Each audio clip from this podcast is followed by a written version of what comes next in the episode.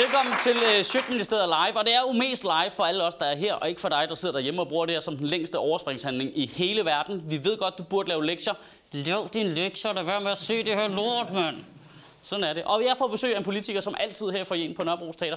Og det er vigtigt lige at slå fast, jeg er ikke journalist. Jeg er en komiker, men mest i- øh, er jeg bare en borger i den her sammenhæng, som spørger om det, jeg synes er interessant.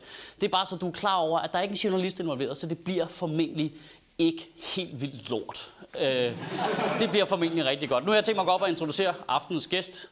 Hvis I lige klapper imens, så er det fedest. Nok. Dagens gæst er Marianne Hjelved. Hun er kulturminister og kirkeminister. Så har hun siddet i Folketinget siden jeg var syv år gammel. Hun er tidligere beskæftigelsesminister og tidligere minister for nordisk samarbejde. Til sammenligning kan jeg lige nævne, at jeg er komiker og kan virkelig godt lide krydderboller. Giv en stor hånd til Marianne Jelved.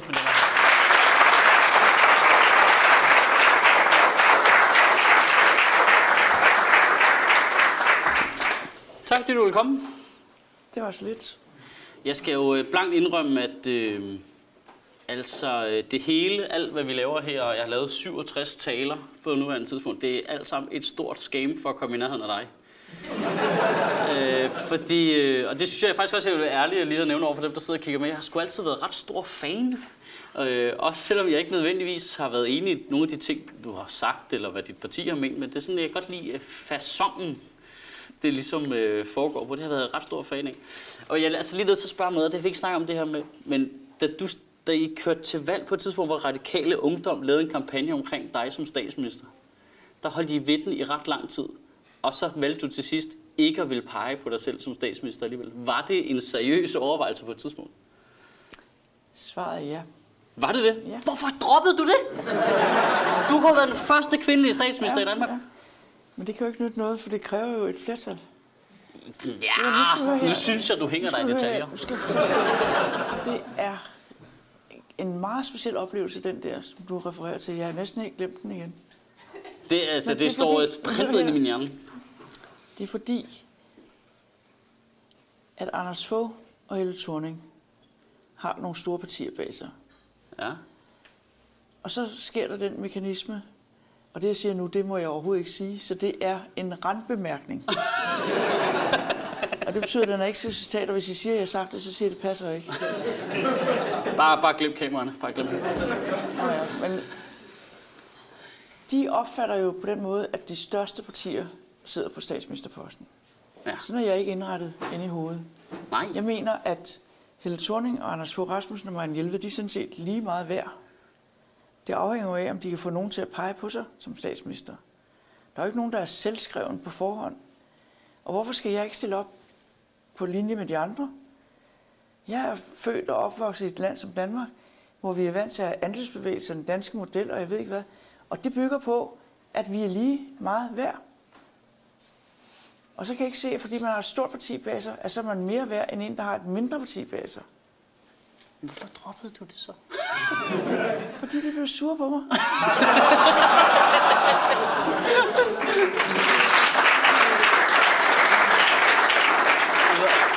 Jeg vil også rigtig gerne snakke om det nye initiativ, du har sat i gang øh, fra Kulturministeriets, Kulturministeriets side af, øh, omkring flere kvindelige øh, kunstnere på spilstederne i Danmark, ja. Ja. og flere kvindelige ledere af, Ja, øh, af spilstederne. spillestederne. Ja. Hvad, hvad går det ud på? Ja, faktisk er det ikke noget, jeg selv har fundet på. Altså, det er de folk, der arbejder med spillestederne, med musik på spillestederne, som er rigtig mange mænd, som selv har rejst den sag. Og som siger, at det er lidt irriterende, at de tænker, som de siger det ikke på den måde, det er mig, der oversætter det sådan, ikke? At det er lidt irriterende, at de er inde i sådan en vane med, at man vælger dem, man kender, når man skal have nogen til at spille. Dem, man ved, der trækker. Ja. Og så er, vi, så er der jo andre, det kunne så være mig, der har ansvar for det, der ikke er gode nok til at prøve at få hjælpe pigerne til at komme i gang. Og dengang Uffe, jeg tror det var under ham, da han var kulturminister, at han fik sat i gang et øh, projekt, som nu hedder Pop Pilot, eller noget i den retning. Den bliver lige usikker. Men det er piger, der i efterårsferien samles, og det er teenager, og de samles til at spille på instrumenter og opleve, om de kan, om hvad de synes, det er sjovt osv. Og det har været en kæmpe succes. Og det er jo det, man kalder i politikersprog en fødekæde. Fordi hvis pigerne først får instrument i hænderne, og de bliver glade for det og vil spille på det, så kan det udvikle sig til, at der bliver flere og flere piger, der faktisk kan. Det er den ene ting. Den anden ting er, at øh, det er jo vaner, når vi hele tiden ser på nogle bestemte nogen, når vi skal pege nogen ud til bestyrelsesposter osv. Det gælder også mig selv. Så derfor har jeg vendt mig til for mange år siden at notere ned, når jeg møder nogle interessante kvinder. Fordi det er altid kvinder, man mangler. Og faktisk var det en idé, der opstod dengang Nyrup var statsminister, og der sad der syv kvinder i regeringen dengang. Og de var trætte af, at det hele tiden var mænd, der blev udpeget til alt muligt. Så vi lavede en aftale, at vi havde hver en lille notesbog, hvor vi skrev kvindenavn ned. Og når man først er begyndt på det, så får man øje på rigtig mange kvinder, der faktisk bidrager med noget, som er interessant, og som man synes er kvalificeret, rigtig god, og hende vil jeg gerne huske navnet på. Og så når man skal udpege nogen, så kan man, har man nogle idéer. Men har du selv, altså nu må Ja, sige, nu, er- nu er du selv, kan man sige, Ja. øh, kvindelig topleder. Har, har- du selv, har du selv mærket et glasloft? Mm, nej, det har jeg sådan set ikke. Og heller ikke som lærer, fordi der har ikke været den type problemstillinger Nej. i folkeskolen. Der er der ikke. Men det jeg gjorde, da jeg blev leder, og det blev jo ikke bare, fordi nogen gerne ville have det. det gjorde, jeg- der kæmpede jeg faktisk for at blive det. Og jeg var fræk nok til at sige, og det havde jeg faktisk glemt indtil der var en, der mindede mig om det. Altså hos os, i det parti, jeg er i, der er der sådan en kutyme, der hedder, man er gruppeformand, og det er lederen af folketingsgruppen. Og vi har ikke et landsforbund, der bestemmer over os, sådan som andre partier har. Nej. Og så siger vi, så vælger Niels Helve, at vi skal gå i regering med Poul Slytter, eller det gør vi er enige om det i folketingsgruppen. Men han er leder og gruppeformand, og så bliver han økonomiminister, og så vælger han fire andre radikale minister, og så siger han til mig, du bliver ikke minister, Marianne, den her omgang. Nej, nej, det er i orden. Og så valgte jeg at kæmpe for at blive gruppeformand. Og så er jeg jo fræk nok til at blive ved med at være gruppeformand, da vi, sted, da vi så går ud af regeringen. Og så er det mig, der bliver lederen. Ja, men, og hvordan kunne jeg gøre det? Det var, jeg sagde bare til mig selv, og det var en rigtig dårlig tid for os, fordi vi havde mistet en tredjedel af vores mandater efter to og et halvt år i Slytterregeringen. Og derfor er det jo nedtur, om man er deprimeret i partiet osv. Og så siger jeg til mig selv, det er bedre, det er mig, der sidder her på formandsposten, end det er nogen andre. Sådan har jeg, sådan har jeg tænkt rigtig mange gange. Det er bedre, det er mig. Og så, det altså, og så kæmpede du Og for så, siger, den, ja, og så siger jeg til mig selv, hvis de kan finde en anden, hvis de kan blive enige om en anden, så er det i orden. Så længe de kan blive enige om at finde, en, pege på en anden, så er det mig, der er leder. Men følte du, at dit køn spillede ind der? Altså, at Ja. det var et problem, at du var kvinde? Ja, fordi det er meget sværere for mænd at acceptere et nederlag, og så er der en kvinde, der overtager posten på det, end det er omvendt, tror jeg. Tror du det er sådan? Ja, det tror jeg faktisk. Uden at man vil vedstå sig det. Men det tror jeg. Jo, fordi jeg får spørgsmål nogle gange. Jamen, prøv lige at høre godt efter, fordi jeg får tit spørgsmålet. Er der forskel på mænd og kvinder i politik? I Ja. starten så sagde jeg, nej, det er der ikke. Og så begyndte jeg at tænke mig over og sagde, er det nu rigtigt? Og så begynder jeg at jagtage, hvad der sker. Og så er der faktisk et kendetegn, der går igen. At mænd har en svaghed, som jeg synes er synd for dem. At de er meget mere fokuseret på deres prestige, end de er på sagen. Mens kvinder er meget mere tilbøjelige til at få ting til at fungere. Og jeg er ekspert i, når jeg kommer ud for et nederlag, så er jeg ekspert i at gøre det til en sejr. Det er Helle Thorning også rigtig god til. Ja. det er sådan rigtig flot. Men altså, er bare det er interessant, fordi nu, jeg har ikke følt, at jeg har stødt på dig særlig meget den der ligestillingsdebat, Nej, men faktisk. jeg går heller ikke ud og snakker om sådan noget. Jeg handler i stedet for. Da jeg så blev ved med at være leder, og var i stand til at få os i regering, i ny regering, ikke? Hvad var det første, jeg gjorde? Jeg blev økonomiminister, Niels Helvig blev udenrigsminister, og Ole Vig blev undervisningsminister. Så begyndte jeg at kigge mig om efter, hvem skal være min afløser. Man ved jo aldrig, hvornår man får en tagsten i hovedet. Og det, jeg synes, at enhver leder skal, det første man gør, det er at se sig om efter, hvem kan i virkeligheden afløse mig. Så kan man selv få indflydelse på det. Og valgte du så at kigge efter en kvinde Så bevidst? valgte jeg at kigge efter en kvinde, og hun hed Margrethe Vestager. Og ved først kommende lejlighed, der kom hun ind i regeringen og blev undervisningsminister. Hun var ikke valgt. Men man kan godt tage folk, der ikke er valgt ind som minister.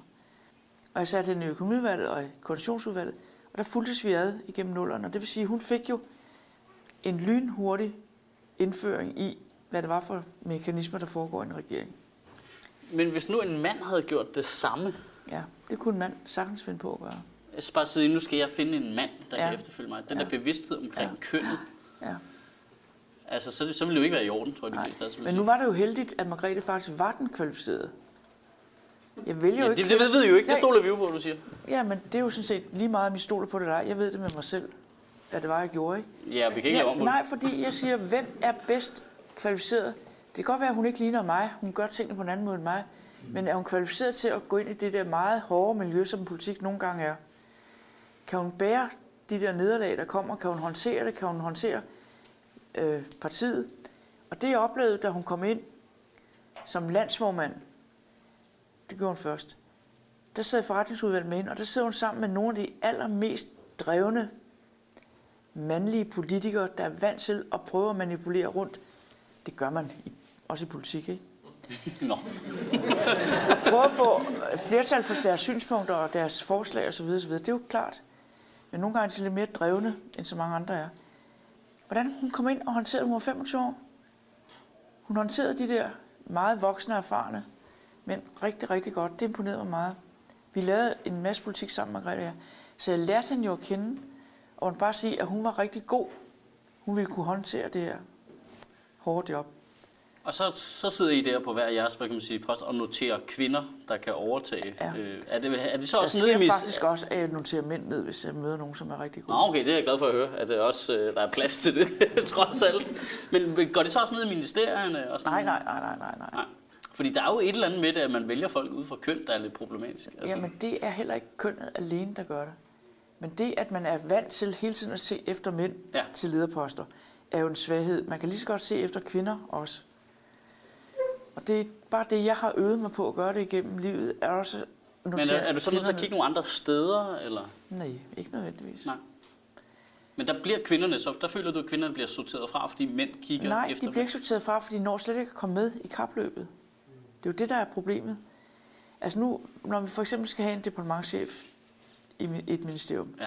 så går der en proces i gang, og der, er et, der bliver et konsulentfirma, fordi det skal være øh, objektivt, eller så kvalificeret som overhovedet muligt. Ikke? Så vi vælger nogen, der er vant til at gøre arbejde med den slags ting. Vi det er så regeringen. Og så vælger et konsulentfirma, og så snakker de selvfølgelig med ministeren og med dem, de skal snakke med i regeringen, for at finde ud af, hvad er det for en profil, den vedkommende skal have. Så giver de nogle forslag, men de giver både mænd og kvinder. Fordi det de er blevet vant til at gøre nu.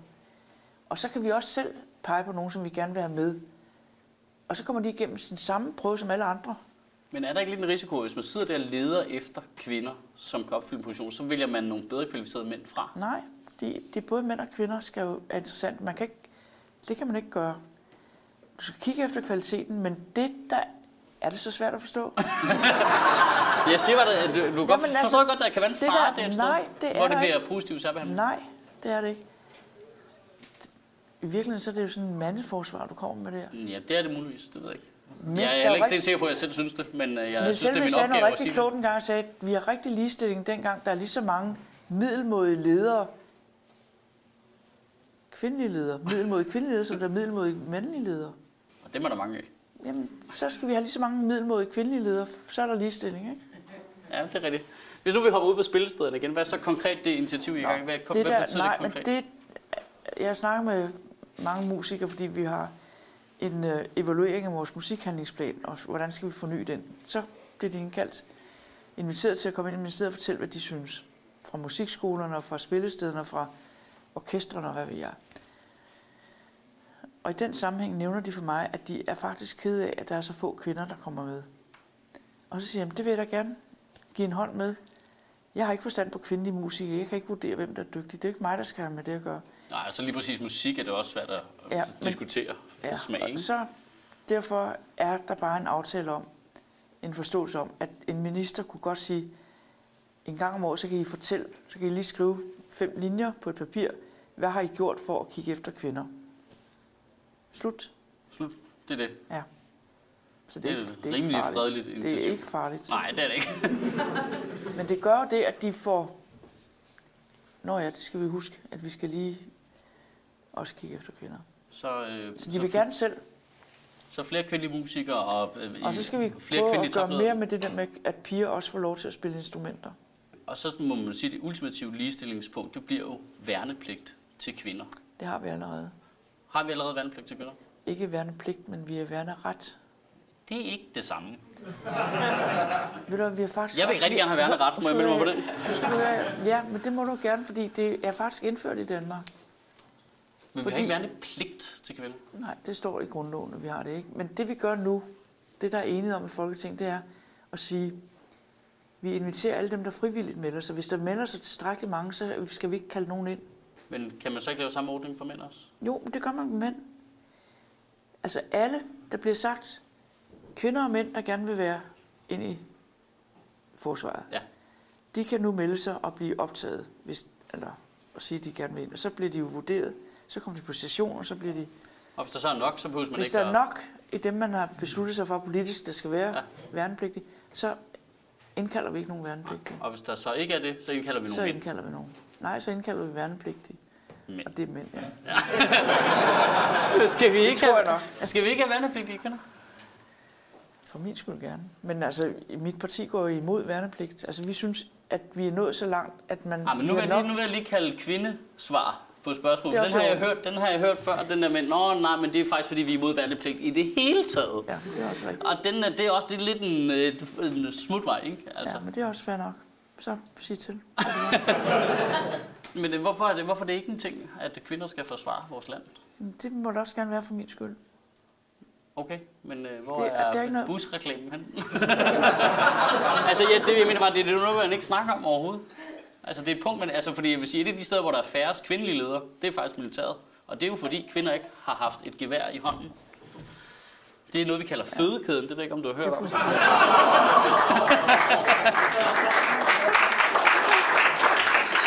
kan godt tænke mig bare lige her til allersidst, inden, øh, inden øh, jeg øh, slipper det ud. Hvad er dit, øh, nu er du kulturminister, jeg laver stand-up. Hvad er dit forhold til stand-up genren? Jeg synes nemlig, det er så interessant, hvordan Altså, øh, sådan stand-up... set er vi jo kolleger. Ja, det, øh, det er jeg tilbøjelig til at være enig i.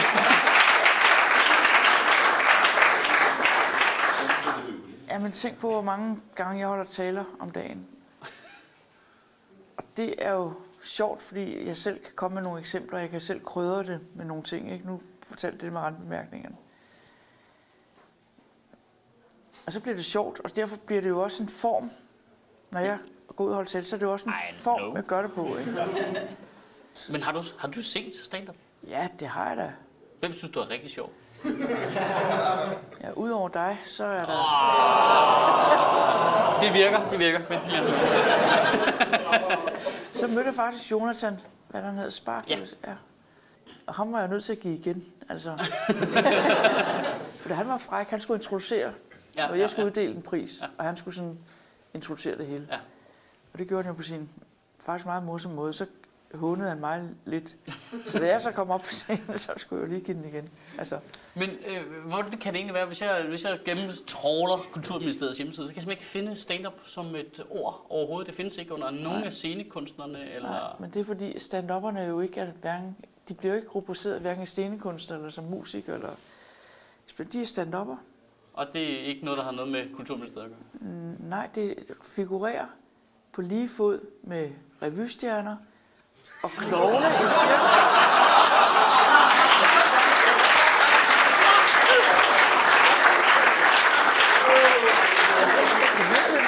Skal- du være glad over det, fordi at revy, revykunsten er jo en ældgammel kunst. Ja, for pokker, mand. Og vi har en tradition, som er meget, meget flot i Danmark med revyer. Ikke? Det er jo den, vi kommer af, kan man Det er jeg sige. fuldstændig med dig. i. Så har vi en cirkustradition, som Ja. også er meget stærk. Jamen, det er faktisk også en meget stærk tradition. Og så har vi fået stand som en fornyelse. Ja, cirkus. Nej. Nej, at det er sat op som er underholdnings. Ja. En del af underholdning. Ikke? Og jeg mener da også, at stand-up det er en kunst. Det mener jeg faktisk, det er.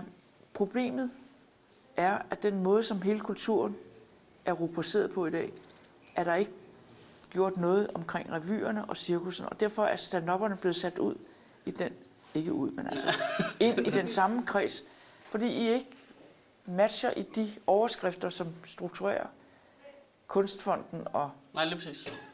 alle mulige andre ting, der laver støtte. Ikke? Ja.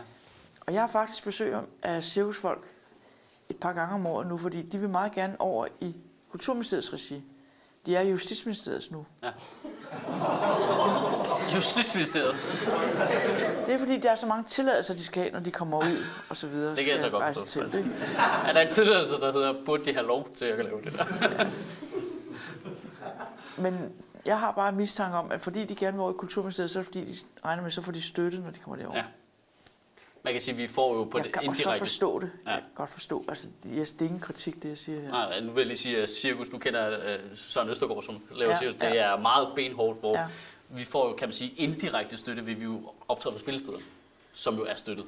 Okay. Øh, Ja. Så på den måde er det indirekte. Det, det er jo bare fascinerende, når man øh, laver en genre, som man føler, øh, der er enormt mange mennesker, der godt Ja. kan lide, og så på en eller anden måde så eksisterer det ikke sådan officielt. Nej, men det, du har fuldstændig ret, og det spørgsmål er, om man skal på en eller anden måde få ja, inddraget i scenekunst på en eller anden måde, uden at det er scenekunst. Fordi I står jo på scener hele tiden. Mm, det synes Ja. De samme steder Ja. som de andre. Ja, Men øh, det er så ikke noget, vi bare aftaler lige nu, også to, at øh, inden der blev udskrevet valg, så har vi lige fikset den, for det er jeg sgu ikke sikker på, at I kommer ind. Jo. Altså, så det er ligesom, når vi lige, og bare lige skrive den i en fodnote. Stjerne, også stand-up noget her. men, øh, men det vil gøre nu, jeg har en dialogforløb med scene, repræsentanter for forskellige teatertyper om scenekunsten. Der kunne jeg godt tænke mig at spørge dem, hvad de mener om stand-upperne. Ej, det vil jeg simpelthen blive så glad for, hvis du gjorde. De kommer til at bande rigtig meget, vil jeg bare lige sige. Men, Det kan godt være, men, så har de jo fået det at tænke over. Det er præcis. Det er lidt ligesom at lave sådan en liste ja. med kvinder. Hvis de ikke ser stand-up, Ja. ja. fordi du ikke tænker over det, så øh, det er fuldstændig det samme. Fuldstændig enig. Jeg er undertrykt, kan du mærke det? Nej. Det har været en fornøjelse at have dig på besøg. Tusind tak, fordi du